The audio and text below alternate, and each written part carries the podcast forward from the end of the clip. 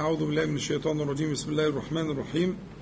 إن الحمد لله نحمده ونستعينه ونستغفره ونعوذ بالله من شرور أنفسنا ومن سيئات أعمالنا. من يهده الله فلا مضل له ومن يضلل فلا هادي له. وأشهد أن لا إله إلا الله وحده لا شريك له. وأشهد أن محمدا عبده ورسوله. اللهم صل على محمد وعلى آل محمد كما صليت على إبراهيم وعلى آل إبراهيم في العالمين إنك حميد مجيد. اللهم بارك على محمد وعلى آل محمد كما باركت على إبراهيم وعلى آل إبراهيم في العالمين إنك حميد مجيد. أما بعد فهذا موعدنا إن شاء الله تعالى مع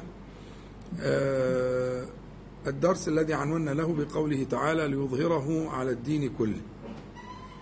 وهو عنوان لدلائل النبوة. وكما قلنا في مقدمة هذا الدرس أن أنها القاعدة التي كانت في كل أنبياء الله تبارك وتعالى ما من نبي إلا يعني ما من نبي كلفه الله تبارك وتعالى ويدخل الرسل في هؤلاء إلا وأجر الله تبارك وتعالى على يديه ما على مثله آمن البشر. لابد من آية تدل على صدق أي نبي أنه يبلغ عن الله تعالى. وإلا لادعى كل مدع ما يدعي فلا بد من آية. حتى أنت لما تبعت رسالة تقول له روح لفلان وقول له اديني المبلغ الفلاني بأمارة كذا. من غير الأمارة دي مش هيديك. فلا بد وجود وجود أمارة على الصدق. صح؟ إحنا في حياتنا كده لابد من أمارة. فلما يبعث الله تعالى نبيا أو رسولا يبعث مع أمارة. أمارة على إيه بقى؟ على أنه صادق فيما يبلغ عن الله تعالى. صح؟ طيب. كان الأنبياء يبعثون في أقوامهم خاصة. طب ونبينا صلى الله عليه وسلم؟ بعث إلى الناس كافة. يعني كافة؟ يعني كافة في الأرض في الوقت اللي هو كان فيه عليه الصلاة والسلام وكافة إلى قيام الساعة. طب كيف يكون؟ طب موسى بعث بآيات إلى فرعون وملئه. مظبوط؟ وصالح بعث بآية إلى قومه ثمود. طب وسيدنا النبي صلى الله عليه وسلم لا بد من آية تدل على صدق محمد صلى الله عليه وسلم أنه المبلغ عن ربه. وتبقى هذه الآية إلى قيام الساعة. طالما هو مبعث لإيه؟ للناس كافة ولا إيه؟ إحنا بنتكلم كلام منطقي دلوقتي كلام عقلي مش ده مش لسه ما دخلناش في الشريعة. كلام عقلي. آه يبقى إذا إحنا كان لابد نفكر إن في آيات. آيات يعني جمع آية يعني علامة تدل الاماره اللي قلناها بأمارة كذا بأمارة كنتم امبارح بالليل قاعدين بتعملوا كذا. ها؟ لازم يكون في آيات أمارات دالات على صدق النبي صلى الله عليه وسلم إلى يوم القيامة. وإلا لا تصح الرسالة ولا تصح البعث. ولا يصح التكليف بما جاء به صلى الله عليه وسلم. لازم يكون في آيات دالة. وتصلح للناس جميعا في كل زمان وكل مكان إلى قيام الساعة. فكان الذي أوتيته في هذا المقام يعني ما من نبي فكان الذي أوتيته وحيا. فكان الوحي الذي أوحي إلى النبي صلى الله عليه وسلم وهو القرآن العظيم والسنة المطهرة لأن ألا إني أوتيت القرآن ها؟ ومثله معه. القرآن وحي والسنة وحي. بس القرآن وحي باللفظ والمعنى والحرف والتشكيل والضبط والقراءات. فيش في الهوى والسنة وحي بمعناها وكان اللفظ للنبي صلى الله عليه وسلم. وقد آتاه الله سبحانه وتعالى جوامع الكلم. يعني إيه جوامع الكلم؟ يعني الألفاظ القليلة التي تحوي المعاني الكثيرة. فرزقه ذلك. رزقه ذلك. فكان يجعل في روعه المعنى ها؟ وهو بقى بالألفاظ النبوية اللي هي اتوصفت بانها بأنها إيه؟ جوامع الكلم أنه إيه؟ يعبر عن هذه المعاني.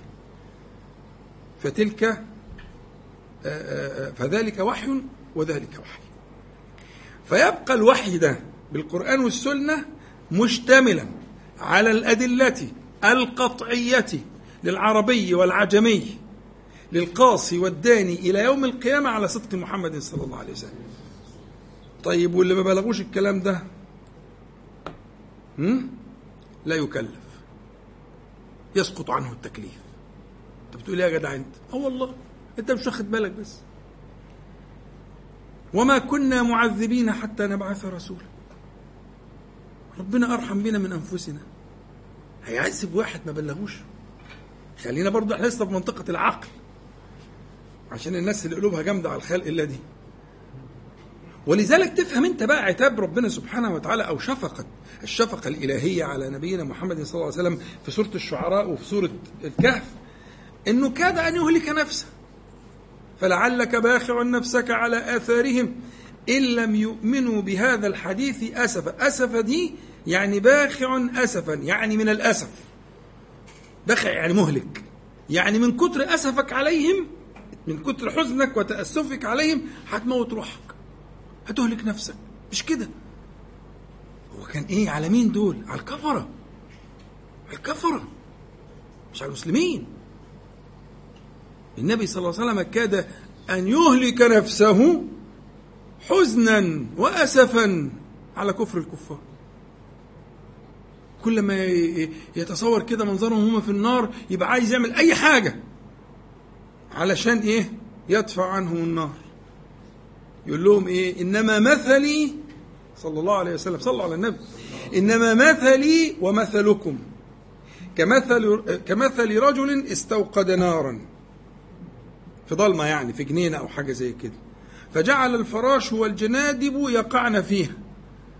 الفراش والجنادب اللي هو الجراد والحاجات اللي بتنط دي ومش عارف إيه بتيجي على النور. هي مش عارفة إن جوه النور ده فيه إيه؟ نار. بس هو عارف. عارف إن جوه النور في إيه؟ نار. جعل الفراش والجنادب يقعن فيها وهو يذبهن عنها. امشي امشي هتتحرق. وهو مش فاهم هتحرق. فاللي بيسمع كلامه. وأنا آخذ بحجزكم. الحجاز هو معقد معقد الإزار. اللي هو زي مثلا بالمعاصر كده حزام البنطلون يعني. وطبعا ال ال من الخبرات ال الأمنية إن أحسن حاجة تمسك بيها واحد تمسكه من الحزام. يعني مسكته من ايده ممكن يفلت مسكه مش عارف إيه عكشته كده. لكن إيه المسكة اللي تمسك بيها حرامي طبعا؟ تمسكه وما يهربش منك. حزام. فاللي هيمسك واحد اللي اللي يتمكن من حزام واحد مش هيتفلت منه. ده كلام النبي عليه الصلاة والسلام. وأنا آخذ بحجزكم وأنتم تفلتون من يدي. حرص النبي عليه الصلاة والسلام على هداية الناس وإنقاذهم من النار. وكما حصل في قصة اليهود المشهورة الطفل لما قالوا قل لا إله إلا الله فنظر لأبوه فقال له أطع أبا القاسم. فقالها طفل وكان تتقعقع نفسه يعني كان بيموت في الاحتضار. وخرج النبي صلى الله عليه وسلم متهللا الحمد لله الذي نجى بي نفسا حتى عيل. عيل من عيل اليهود من النار. فالناس اللي عايزة الناس تولع دي وعايزة الكفار يروحوا مش عارف جهنم والكلام ده مش دي مش مشاعر النبي عليه الصلاة والسلام. مشاعر النبي مختلفة عليه الصلاة والسلام. مشاعر الرحمة طلب الهداية والحرص عليهم والاعتذار عنهم. وربما ولعل ويمكن ما بلغهمش أو بلغهم بلوغا غير صحيح. صح؟ في ناس تعرف إن الإسلام ده دين وحشية. وسفك للدماء طب ده هيفكر في الإسلام إزاي؟ وهو الصور اللي بتجيله والفيديوهات اللي بتجيله كلها حاجة يعني أنا ما بعرفش أتفرج عليها بصراحة. والله ما بطيق أتفرج عليها. بتاعت الدولة الإسلامية والكلام اللي بيطلعوه ده. طب واحد يفكر في الإسلام؟ واحد ما يعرفش الإسلام حاجة أصلا. أو متصور إن الإسلام ده مثلا يعني ماركة عربية ولا أكلة إيطالية ولا حاجات زي كده. أنا سمعت الكلام ده بودني. من ناس كتير. في في أوروبا وفي أمريكا وأستراليا حتى مجرد الاسم مش عارفه.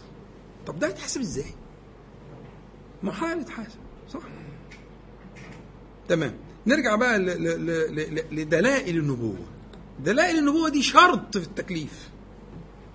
يعني اللي ما بلغوش دلائل النبوة الدليل على صدق النبي صلى الله عليه وسلم ها الذي لم يبلغه أصلا ده خارج منطقة التكليف. إحنا بقى مكلفين حضراتكم ناس طيبين وصالحين متدينين وظيفتهم إن هم يرحموا الخلق ويبلغوهم الدلائل دي. ويقولوا لهم إنه نبي الله صدقا وهذا كلام الله حقا. والأدلة واحد اثنين ثلاثة ونعرضها بشكل كويس وجميل على قد ما نقدر. فمسألة فكره دلائل النبوه دي مسألة مهمة جدا. ومسألة مهمة حتى للمؤمنين والمتدينين والصالحين والصالحات لتثبيت الإيمان وتحقيقه. أنت لما تقعد تسمع مثلا آه، آه، دلائل الإعجاز في القرآن الكريم بيتحقق في قلبك الإيمان. وأنت مؤمن وكل حافظ القرآن وكل حاجة بس كلما آه، طالعت ذلك ازددت إيمانا. ليزدادوا إيمانا. الإيمان بيزيد. حتى كمان المؤمنين وأهل الدين محتاجين لاستماع لدلائل النبوة وتحقيق إيمانهم وما إلى ذلك. اتفقنا على كده يا شباب؟ صلوا على النبي صلى الله عليه وسلم.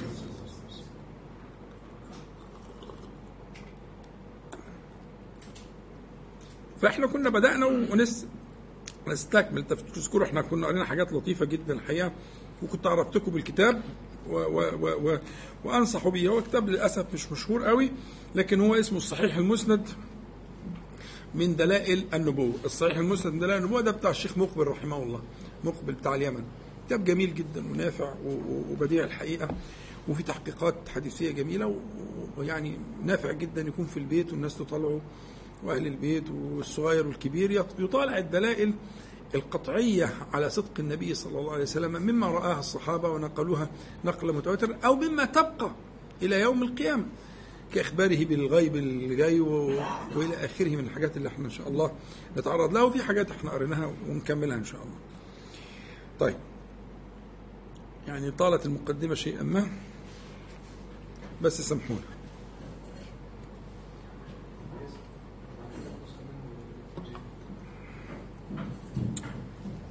عندنا الفصل الخامس عشر يقول ومن دلائل النبوة انشقاق القمر. انشقاق القمر. وانشقاق القمر ثابت بالقرآن وبالسنة. ثابت بالقرآن وبالسنة. اقتربت الساعة وانشق القمر. عندنا في صحيح الإمام البخاري عن عبد الله بن مسعود رضي الله عنه قال انشق القمر على عهد النبي صلى الله عليه وسلم شقتين. فقال النبي صلى الله عليه وسلم اشهدوا. ورواه كذلك الإمام مسلم فهو متفق على صحته. وهو شقه عليه الصلاة والسلام بإصبعيه. عمل كده وراح جايب شقا منه في هذه الجهة والشق الآخر في الجهة الأخرى. فشقه كذلك. آه، وعن أنس بن مالك رضي الله عنه أنه حدثهم أن أهل مكة سألوا رسول الله صلى الله عليه وسلم أن يريهم آية.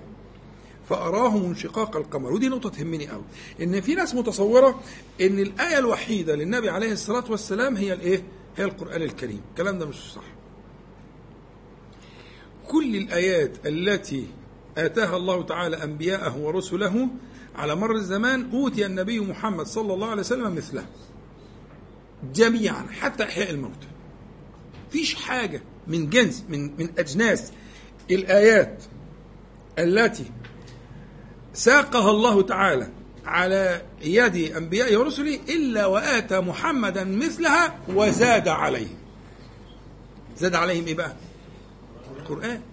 ما فيش نظير للقرآن في الكتب السماوية يعني الكتب السماوية المنزلة من عند الله تعالى ليست معجزة. يعني التوراة ما فيش فيها تحدي. هاتوا مثلا مزمار كمزمار داود ما فيش كلام من ده. وعجزتم عن مزامير داود يبقى مزامير داود كلام الله. الكلام ده مش موجود. مفيش تحدي بالتوراة. مفيش تحدي بالإنجيل. مفيش تحدي آه، بصحف إبراهيم. ما حصلش ومش هيحصل. لأنها ليست لم تنزل للإعجاز. أمال كانت المعجزات؟ عليكم السلام ورحمة إحنا عمالين نعطل في الدرس لغاية لما نورنا الدكتور طلعت والباشمهندس صبري. نورتونا. الحمد لله على السلامة. أنا كشفت ورقي كله كده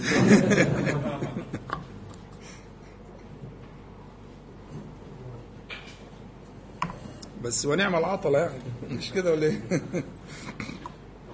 حاجات اللي بتيجي ارتجال دي بتبقى, أرزاق يعني إيه الكلام ده؟ يعني لا الإنجيل ولا التوراة ولا الزبور ولا المزامير ولا صحف إبراهيم كان فيها أي نوع من أنواع التحدي والتعجيز كانش موجود. فزاد النبي صلى الله عليه وسلم فوق آيات الأنبياء آية ليس كمثلها آية. آية باقية إلى يوم القيامة. القرآن الكريم. وفي وقد اشتمل القرآن الكريم على كل ألوان المعجزات والإعجاز. مش مجرد الإعجاز البياني. طبعا أعلاه وأرقاه واللي حصل بيه التحدي الأول الإعجاز البياني. فأعجزهم الله تعالى أن يأتوا بمثله. القرآن كله. قل لئن اجتمعت الإنس والجن على أن يأتوا بمثل هذا القرآن لا يأتون بمثله ولو كان بعضهم لبعض ظهيرا. طيب بعشر سور عجزوا. طب بصورة عجزوا. طب بأقصر صورة عجزوا. وهنا بقى البيان. لكن الإعجاز البياني وإن كان هو الإعجاز الأول أو التعجيز الأول لكن في تعجيزات أخرى. في إعجاز بالإخبار بالغيب. حاجات ما حصلتش وهتحصل. وأشهرها طبعا غلبت الروم في أدنى الأرض وهم من بعد غلبهم سيغلبون في بضع سنين. لله الأمر من قبل ومن بعد. آه وحصل. حتى لما جم لأبي بكر عشان يقولوا له الرهان ومش الرهان فالبضع من ثلاثة لتسعة ما كانوش لسه كملوا تسع سنين. وحصل. وحصل. فكل ألوان التعجيز تعجيز المعاند والمخالف موجودة في القرآن الكريم. وده إن شاء الله ممكن يبقى له مقام آخر في الدرس يعني. لكن دلائل دلائل نبوته صلى الله عليه وسلم اشتملت على كل حتى إحياء الموتى وتكليم السباع وقرأت لكم الأحاديث والشجر والحجر كلم النبي عليه الصلاة والسلام والجزع حن وبكى والجمل كلمه والثعلب قال للراعي وقلنا الكلام ده كله صح؟ كل شيء حتى إحياء الموتى حتى إحياء الموتى الشاة المسمومة اللي مات منها الصحابي رضي الله عنه كلمت النبي صلى الله عليه وسلم وأحياها الله تعالى وقالت له لا تأكل إني مسمومة واليهودية كانت عاملاها عشان تختبر تشوف إن كان نبيا صادقا أو كاذبا. تمام؟ فكل أشكال المعجزات. إحنا معانا طبعا زي ما قلت لك الإيه القصة التي جاءت في القرآن وفي السنة. عشان أقول لك إن مسألة إيه شاعة كده في وقت لكن طبعا تصحيح أنه قد اجرى الله على يد نبيه صلى الله عليه وسلم في مكة وفي المدينة من الآيات الحسية الحسيه يعني إيه؟ يعني مدركة بالحس بالحواس الخمسة. أجرى على يديه من الآيات ما يؤمن على مثله البشر. بنص حديث البخاري. خلاص؟ ما من نبي إلا وأوتي ما على مثله آمن البشر. كلمة فكان الذي أوتيته وحيا يعني فوق هذا. يعني شاركتهم في ذلك وزدت عليهم بالوحي الذي أوحي إليه. فهو معجز وهو آية دالة على صدقي فلما نقول الحديث بتاع البخاري إن أهل مكة سألوا رسول الله صلى الله عليه وسلم أن يريهم آية فأراهم انشقاق القمر. خلاص زي الباقيين بعد كله كصالح وموسى إلى آخره. قال أولو جئتك بشيء مبين؟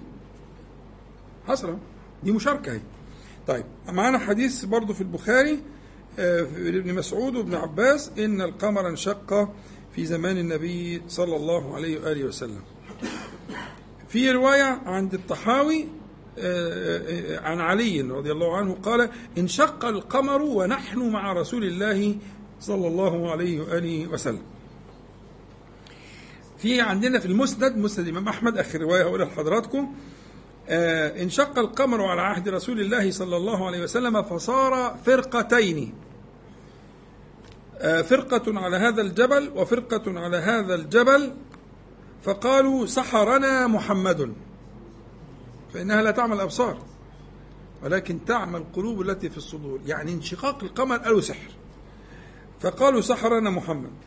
فقال فقالوا ردوا عليهم يعني قالوا إن كان سحرنا فإنه لا يستطيع أن يسحر الناس كلهم.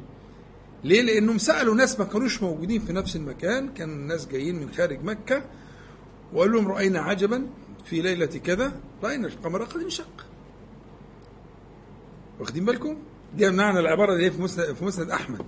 بيقولوا إن كان سحرنا فإنه لا يسحر إيه؟ لا يستطيع أن يسحر الناس كلها. مظبوط؟ يبقى هنا دل على إن هما كان فيه ناس كانوا جايين ولما جم قالوا لهم آه في ليلة كذا حصل وإحنا جايين لقينا شيئا رأينا عجبا رأينا القمر قد انشق شقين فدل ذلك على صدق نبينا محمد صلى الله عليه وآله وسلم إحنا خدنا قد إيه دلوقتي؟ تقريبا نص لا 10 25 دقيقة نقرأ تاني ولا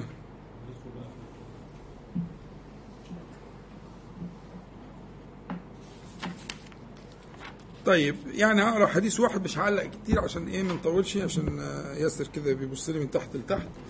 فإيه نقرأ في في عصمة النبي صلى الله عليه وسلم برضه من آيات عصمته صلى الله عليه وسلم. أصل الحديث في- في- فيما يتعلق بالنبي عليه السلام الواحد ما بيبقاش عايز يسيبه يعني.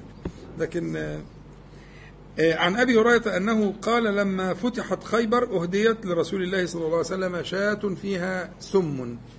والسين في سم ثلاثية يعني مثلثة يعني السين مفتوحة ومضمومة ومكسورة فاللي يقولها كده صح كده صح كده صح يعني بيقول يا سم ده صح فصيحة يعني ما تزعلوش فهو اسمه سم وسم وسم وما يقول لك الحرف والسين فيها مثلثة تلاقي كده في لسان العرب أو في والسين فيها. يعني إيه مثلثة؟ عرفتها مثلثة يعني إيه؟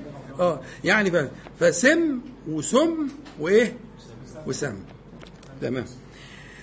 فيها آه، سم فقال رسول الله صلى الله عليه وسلم اجمعوا لي من كان ها هنا من اليهود. فجمعوا له عليه الصلاة والسلام فقال لهم رسول الله صلى الله عليه وسلم إني سائلكم, سائلكم عن شيء فهل أنتم صادقوني عنه؟ فقالوا نعم يا أبا القاسم. فقال لهم رسول الله صلى الله عليه وسلم من أبوكم؟ قالوا أبونا فلان. فقال رسول الله صلى الله عليه وسلم صلى الله عليه وسلم كذبتم بل أبوكم فلان. فقالوا صدقت وبررت أو بررت. فقال هل أنتم صادقون عن شيء أسأل إن سألتكم عنه؟ فقالوا نعم يا أبا القاسم وإن كذبناك عرفت كذبنا كما عرفته في أبينا. قال لهم رسول الله صلى الله عليه وسلم من أهل النار؟ فقالوا نكون فيها يسيرا ثم تخلفوننا فيها. مسلمين يعني. فقال لهم رسول الله صلى الله عليه وسلم اخسأوا. اخسأ ده فعل أمر يقال للكلب يعني هو مخصوص للكلب. يعني هو إيه لما الكلب يكون عمال يهب كده وال- فعايز تقول له عايز ترجعه وتهمده أو كده فهذا الفعل يخص الكلاب. فقيل آه، آه، فك- يقال ذلك أهل النار والعياذ بالله تعالى وكذلك قال لهم النبي صلى الله عليه وسلم اخسأوا فيها. ففيها هي فيها أمر وفيها في نفس الوقت إيه؟ ذم فيها مذمه يعني كأنه يخاطب كلابا. اخسأوا فيها. والله لنخلفكم فيها ابدا. آه، ثم قال لهم هل أنتم صادقون عن شيء إن سألتكم عنه؟ قالوا نعم. قال هل جعلتم في هذه الشاة سما؟ فقالوا نعم. فقال ما حملكم على ذلك؟ فقالوا أردنا إن كنت كاذبا نستريح منك وإن كنت نبيا لم يضرك. وقد حصل أنه قد أخبرته الشاة وعصمه الله سبحانه وتعالى وذلك من فضل الله على نبيه صلى الله عليه وسلم. نسأل الله تعالى أن ينفعنا بما قلنا وما سمعنا وأن يجعله حجة لنا لا علينا يا رب العالمين. اللهم صل على محمد وأنزلوا المقعد المقرب منك يوم القيامة. الحمد لله رب العالمين. تفضل إذا كنت هت هتاخد ولا نشتغل طيب بسم الله الرحمن الرحيم. الحمد لله رب العالمين. اللهم صل على محمد وعلى آل محمد كما صليت على إبراهيم وعلى آل إبراهيم في العالمين إنك حميد مجيد.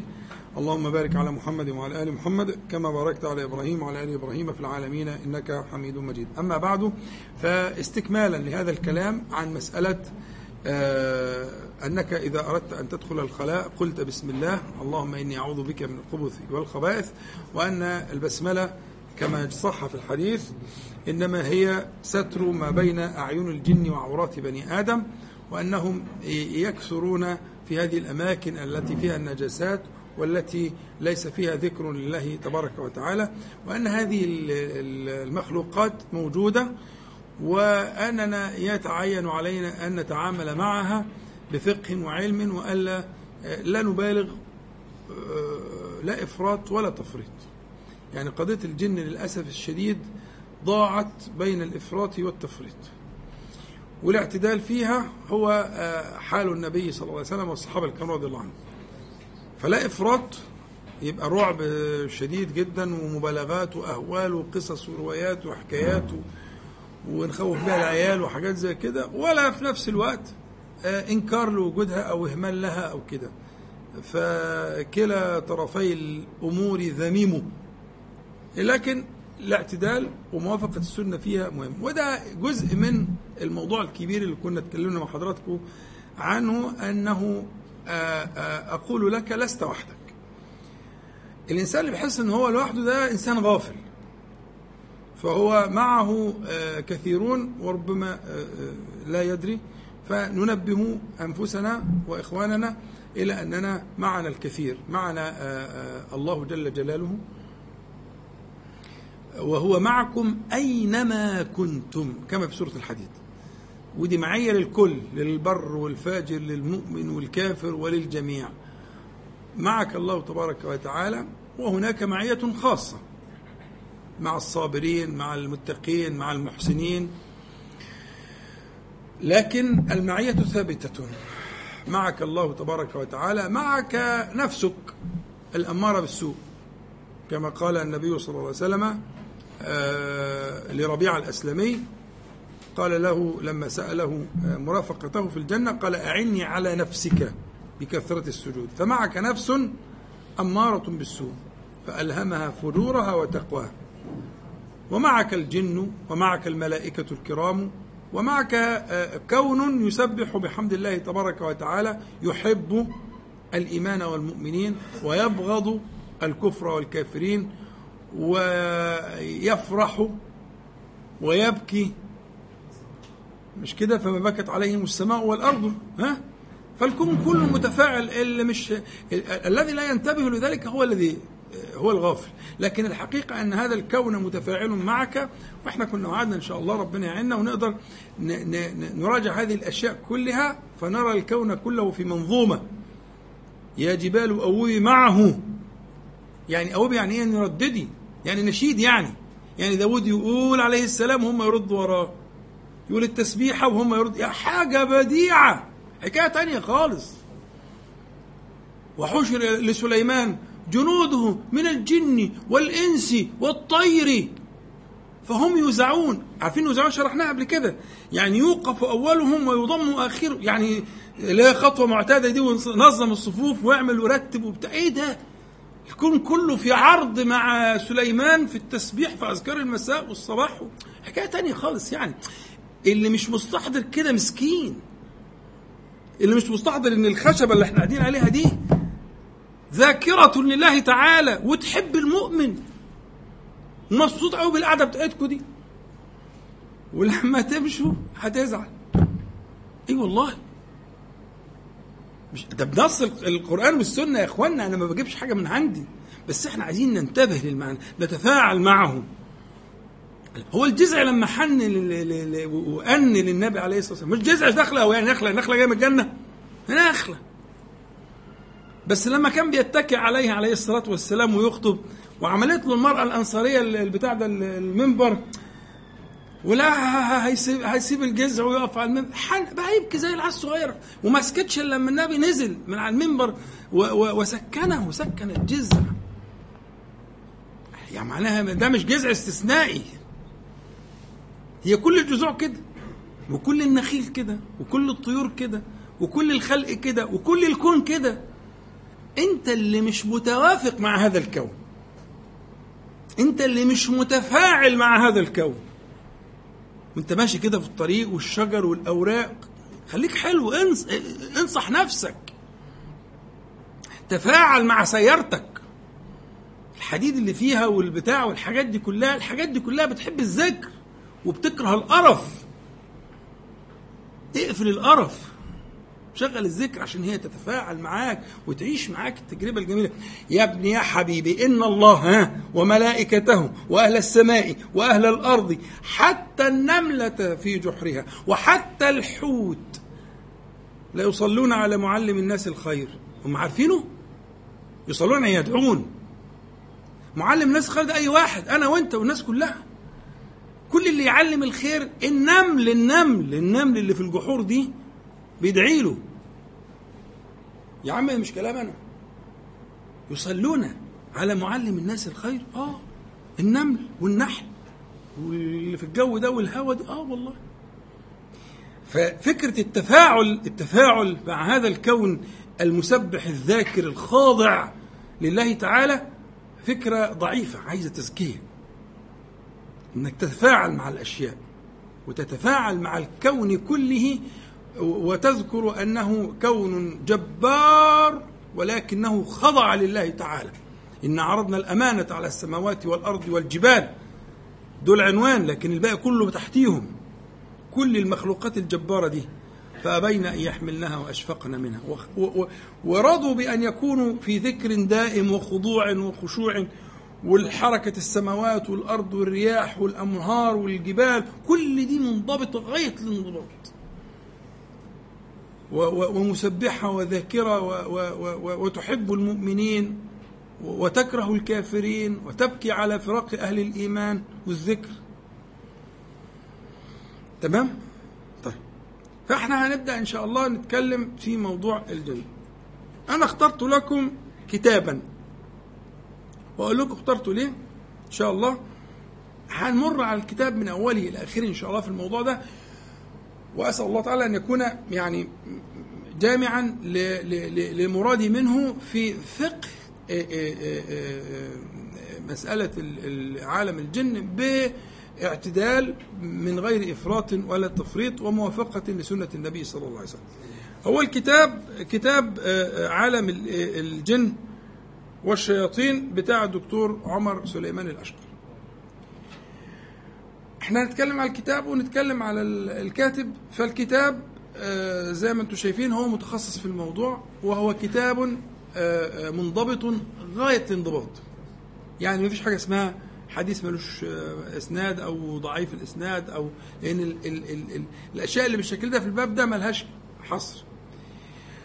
فالكتاب منضبط جدا. وبعدين الدكتور عمر سليمان عليه رحمة الله تعالى كان يعني فيما أرى والله أعلم من أحسن الناس تصنيفا في هذا العصر. يعني هو كان متقن جدا لفن التصنيف. فأي كتاب تلاقي عليه اسم الدكتور عمر سليمان الأشقر امسك فهرسه كده واستمتع بطريقة التقسيم والعرض والتبويب والفصول والأبواب والمباحث تلاقي تجد عجبا. هو كان الحقيقة عليه رحمة الله موهوب جدا في قضية التصنيف. أي حاجة صنفها. صحيح ما فيش عنده ابتكار أو إبداع أو كده لكنه كان موهوب جدا في تصنيفه. حتى رسالة الدكتوراه بتاعته كان عاملها في الجامعة الأزهر. هي رسالة قيمة جدا في غاية الجمال وإن كانت يعني ما فيهاش ابتكار لكن فكرتها جميلة جدا. هو رسالة الدكتوراه بتاعته كان عنوانها اسمها مقاصد المكلفين. مقاصد المكلفين. فكان بيبحث في قضية النية والقصد بس في الشريعة في الفقه بس اقتصر على العبادات بس.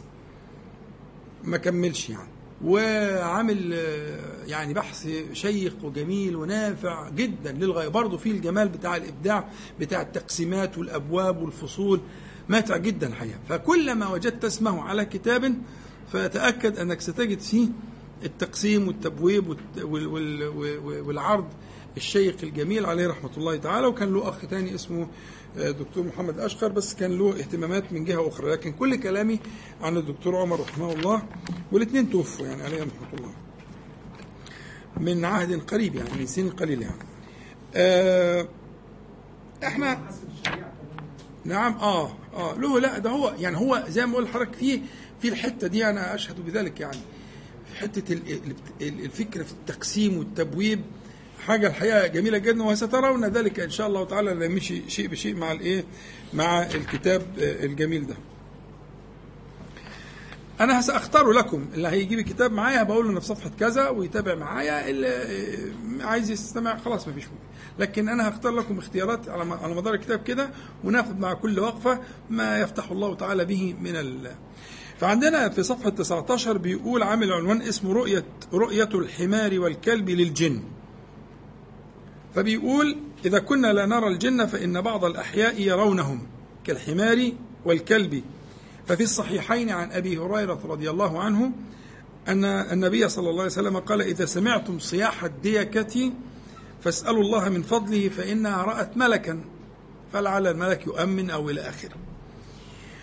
وإذا سمعتم نهيق الحمار فتعوذوا بالله من الشيطان فإنه رأى شيطانا. وروى أبو داود عن جابر بن عبد الله قال قال رسول الله صلى الله عليه وسلم إذا سمعتم نباح الكلاب ونهيق الحمير فتعوذوا بالله فإنهن يرون ما لا ترون. يقول ال- ال- الدكتور رحمه الله ورؤية الحيوان لما لا نرى ليس غريبا. فقد تحقق العلماء من قدرة بعض الأحياء على رؤية ما لا نراه فالنحل يرى الأشعة فوق البنفسجية ولذلك فإنه يرى الشمس حال الغيم والبومة ترى الفأر في ظلمة الليل البهيم. طبعا الموضوع ده لو فتحناه هنعمل محاضرة كاملة اللي هي إنه إحنا مدى رؤيتنا بين الأحمر والبنفسجي. بس فقط لا غير. الطيف أكبر من كده بكتير خالص. يعني في فوق البنفسجي مسافة كبيرة جدا أطياف كتيرة وفي تحت الأحمر أطياف كتيرة. نحن لا نرى لا فوق البنفسجي ولا تحت الأحمر. لكن العين البشرية مصممة ومخلوقة. هذا الخلق العجيب أنها لا ترى إلا ما بين الأحمر والبنفسجي. فقط لا غير. أما الأطياف اللي فوق واللي تحت لا ترى. فده شيء مقطوع به يعني. ما والأمثلة كتير وحاجة بديعة وعجيبة يعني. والقطط والكلاب بتشوف حاجات إحنا ما بنشوفهاش والنحل وال... والى اخره. طيب السؤال بقى اللي أنا عايز أسأله. ما الحكمة أن يراهم الحمار والكلب ومش عارف و- ولا نراهم. ربنا تعالى يقول في سورة الأعراف إنه يراكم هو وقبيله من حيث لا ترونه. يعني نص أهو. يعني أنتم ما تشوفهمش طب يعني لماذا لم يقدرنا ربنا سبحانه وتعالى أن نراهم إذا كان المسألة سهلة أوي كده موجودة في حيوانات وبترى ال ال ال ال ال ال ال الجن بالصالح والكافر والبتاع وكله ها؟ لماذا؟ آه، آه، آه، لم يمكننا ربنا سبحانه وتعالى لم يقدرنا ربنا عز وجل أن نرى الجن؟ ليه؟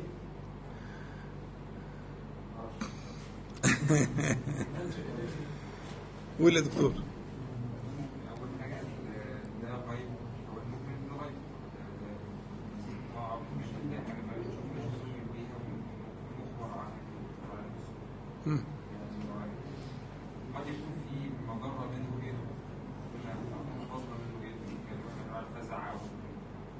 ده اللي قاله المهندس محمد. رأفة بنا هو لو أراد كل شيء الحياة يعني الحقيقة فيها حاجات لا نحتملها آه. رأفة بنا بس الكلام ده مش هينفع مع الملائكة مثلا. رأفة بنا ولا إيه؟ صح كده؟ اتفضل يا دكتور محمد. نعم؟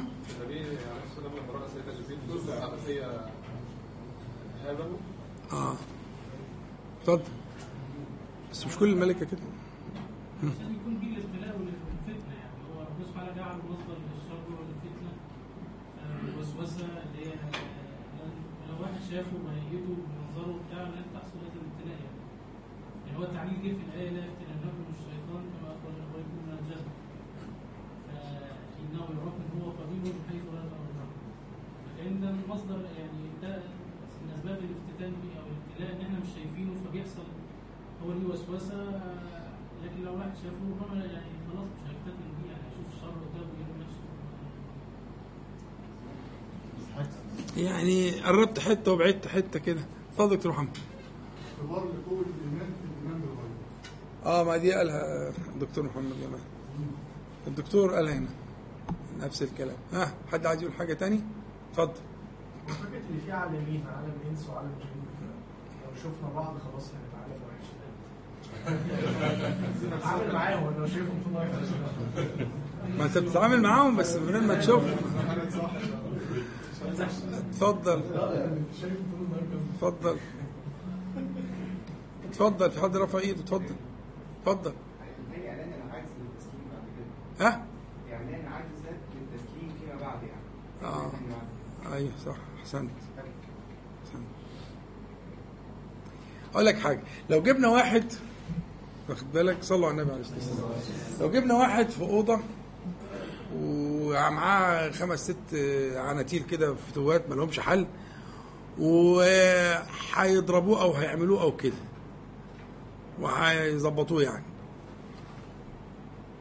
إيه رأيكم لو غمينا الراجل ده؟ ربطنا عينيه. وقعد ال- الفتوات دول حواليه كل واحد يقول له هموتك هقتلك هظبط فيك هعمل مش عارف إيه. ممكن الراجل ده يموت من غير ما حد يمد عليه. صح. يعني فكرة إن عدوك ما أنتش شايفه ومش قادر تشوفه وما تعرفش تشوفه ولا سبيل إلى ذلك يخليك تعمل إيه؟ بالظبط كده. هو في الحقيقة هذه الحكمة الباهرة هي إلجاؤنا إلى الله تعالى. من عدو لا نراه. لأنه إن الشيطان لكم عدو. أهو في تأكيد أكتر من كده؟ فاتخذوه عدوا. طب أنا مش شايفه. مش عارف له راس من رجلين ولا ولا فين ولا عنوانه إيه ولا ال- الإيميل بتاعه إيه ولا مش عارف له أجيبه منين ده؟ ما هو ده الإلجاء يا ابني. إنما يلجئك إليه سبحانه وتعالى. يجعل هذا الخوف من مصدر مجهول. تعرفش تجيبه مش كده بس؟ ده مكنه حتى إنه يجري منك مجرى الدم. فقربوا قوي قوي منك وما انتش مدركه ولا قادر تشوفه. بس ادالك أسلحة. لسه قايلينها من شوية. ده انت بتعميه بسم الله. بسم الله والله. تعميه أهو. ستر ما بين أعين الجن وعورات بني آدم. بسم الله. دخلت بيتك وقلت بسم الله مش هيبيت. طب نسيت؟ ضمنا المبيت. قعدت تاكل مع العيال وقلتش بسم الله والعشاء. وممكن كمان فيها جماع الليلة دي كمان من غير بسم الله. لكن دخلت البيت سميت قعدت سميت لا مبيت ولا عشاء. هو لماذا جعله كذلك؟ ليلجئك إليه سبحانه وتعالى لتلزم بابه لتكثر من ذكره سبحانه وتعالى. إنما ذلك إلجاء لتع- لتعلم معنى كلمة العوذ والعوذ واللجوء إلى حصن الله تعالى. فهذا العدو الخفي حكمة الله تعالى. لكنه آه، آه، كشفه لحيوان. يقول لك كنت ولا زلت قادرا أن أجعلك تراه. ده القطة شايفاه. القطة اللي عندك في البيت شايفاه.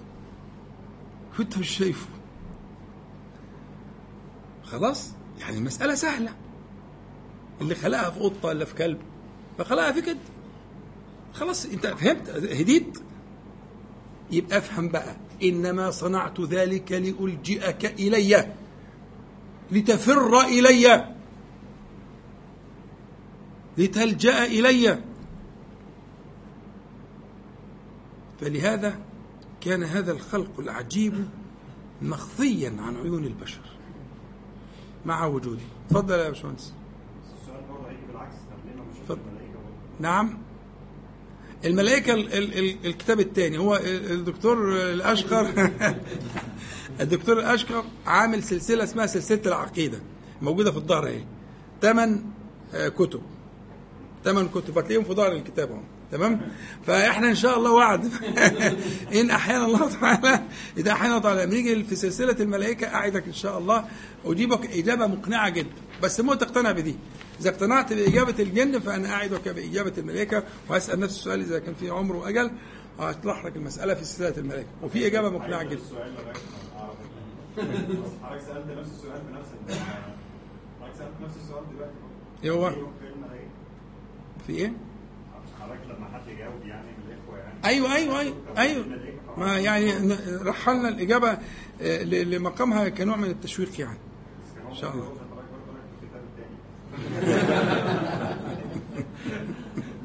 بس هو مش عارف إن في كتاب تاني. ده الفرق اللي بيني وبينه. أنا عارف إن هو ثمان كتب وهو مش عارف الحكاية دي. فكده إحنا يعني طبعا هو الملائكة فيها آه، خاصية مش موجودة في الجن آه، أو مش مشروع مش متفق عليها في الجن. هنجي لها إن شاء الله. إن الملائكة ربنا أقدرها على التشكل. وممكن تتشكل بأشكال آه، جميلة جدا واشكال البشر. وكان سيدنا جبريل بيأتي على هيئة دحية الكلبي وهو من أصحاب النبي عليه الصلاة والسلام. وكان كان الصحابة بيشوفوا إنه دحية رايح ودحية جاي وهو كان جبريل عليه السلام. وكان يجي على شكل الأعرابي اللي هو شديد بياض الثياب شديد سواد الشعر إلى آخره. فالملائكة امتازت عن عن الجن أن لها القدرة على التشكل بأشكال مختلفة وهيئات مختلفة. أما الهيئة النورانية التي خلقها الله تعالى عليها فلها أشكال زي مثلا الثريا التي تدلت لما آه، آه، آه، ابن أسيد كان بيصلي ونزلت الثريا وكانت دي السكينة وكانت الملائكة نازلة معاها فلها أشكال ولها حقيقة وإن شاء الله هنقولها بإذن الله. نفصلها ونريحك على الآخر ساعتها إن شاء الله. بس هناك الناحيه إيجابية جدا. يعني ال- العلة هناك إيجابية جدا. هنا العل العلة علة قهرية.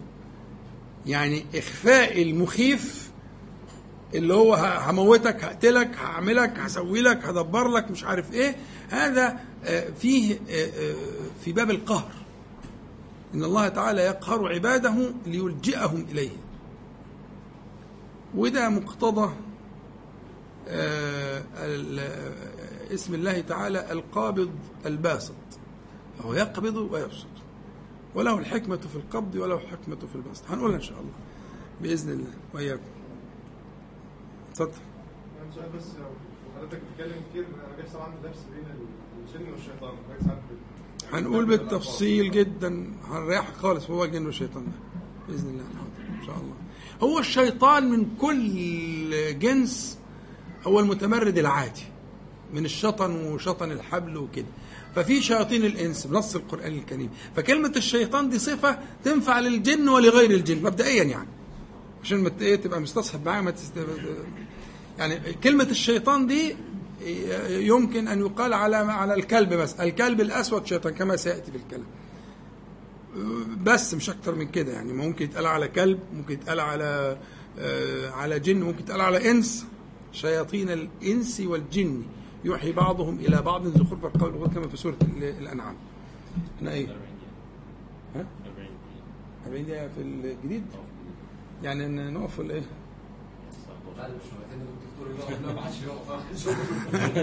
يا عم المدير بيتكلم وأنا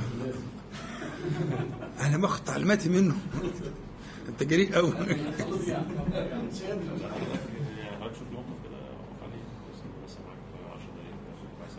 10 دقايق كويس 10 أوي. دقايق طيب بس يبقى نبهني بعد 10 دقايق إن اللي جاية هتاخد وقت شوية.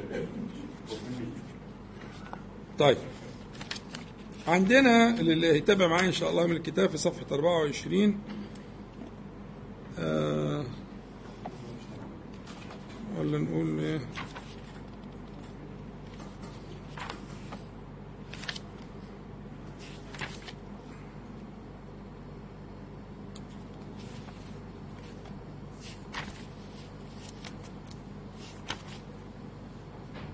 طيب هناخد حاجة صغيرة كده لأن طبعا اللي فات كله كان هياخد وقت عشان هم ادونا وقت صغير. عندنا المبحث السادس اللي معاه الكتاب في صفحة 33 يقول آه، الشيخ آه، دكتور رحمه الله مساكن الجن ومجالسهم وأماكنهم.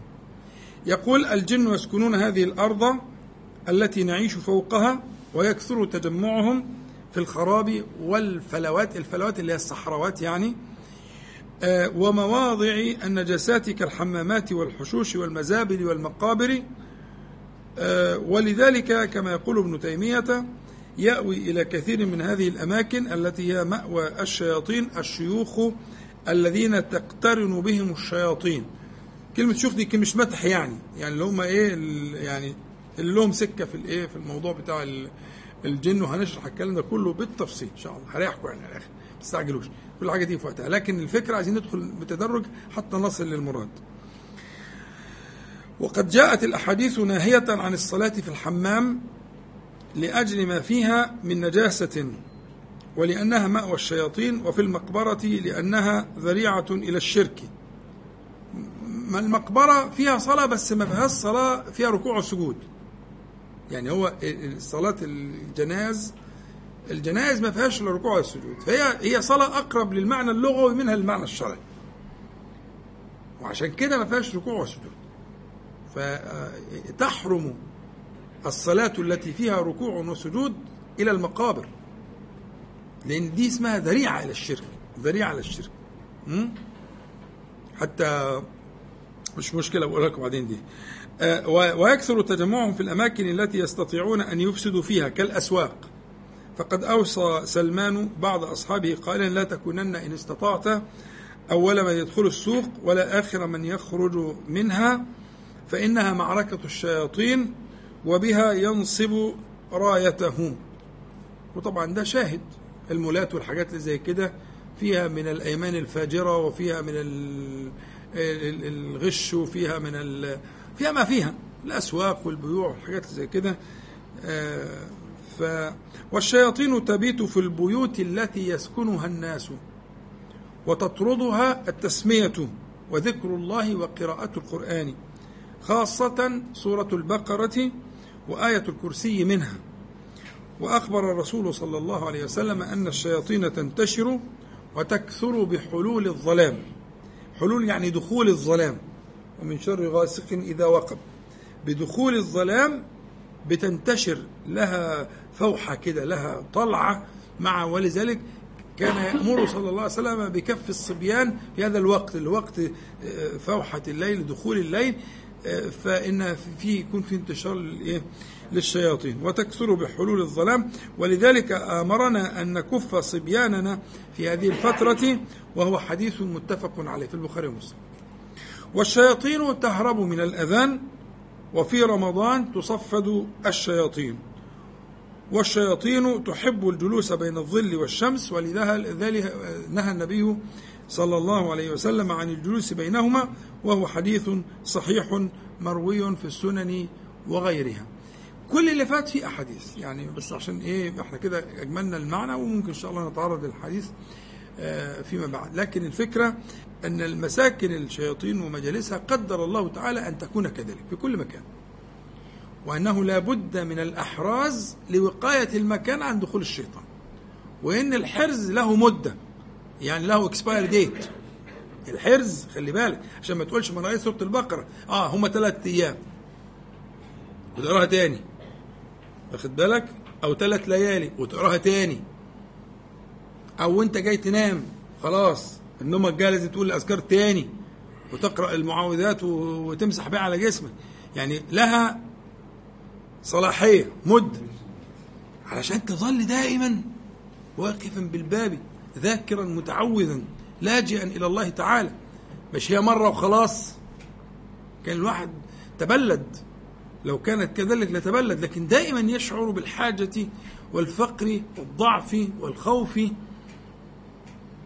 والخوف من من من, الأسباب العظيمة لتحقيق العبودية فتترقى حتى لا ترى الا الله سبحانه وتعالى. فمسألة مساكنهم وأماكن تواجدهم كما رأيت في كل مكان وأمرنا أن ندفعهم. هم أصنافهم وأنواعهم وتفصيلاتهم كل ده جاي إن شاء الله بالتفصيل فنسأل الله العلي القدير أن ينفعنا جميعا بما قلنا وما سمعنا وأن يجعله حجة لنا لا علينا رب العالمين. اللهم صل على محمد وعلى آل محمد كما صليت على إبراهيم وعلى آل إبراهيم في العالمين إنك حميد مجيد. اللهم بارك على محمد وعلى آل محمد كما باركت على إبراهيم وعلى آل إبراهيم في العالمين إنك حميد مجيد. والحمد لله رب العالمين. نقول جميعا سبحانك اللهم ربنا وبحمدك أشهد أن لا إله إلا أنت أستغفرك وأتوب إليك. السلام عليكم. ورحمة الله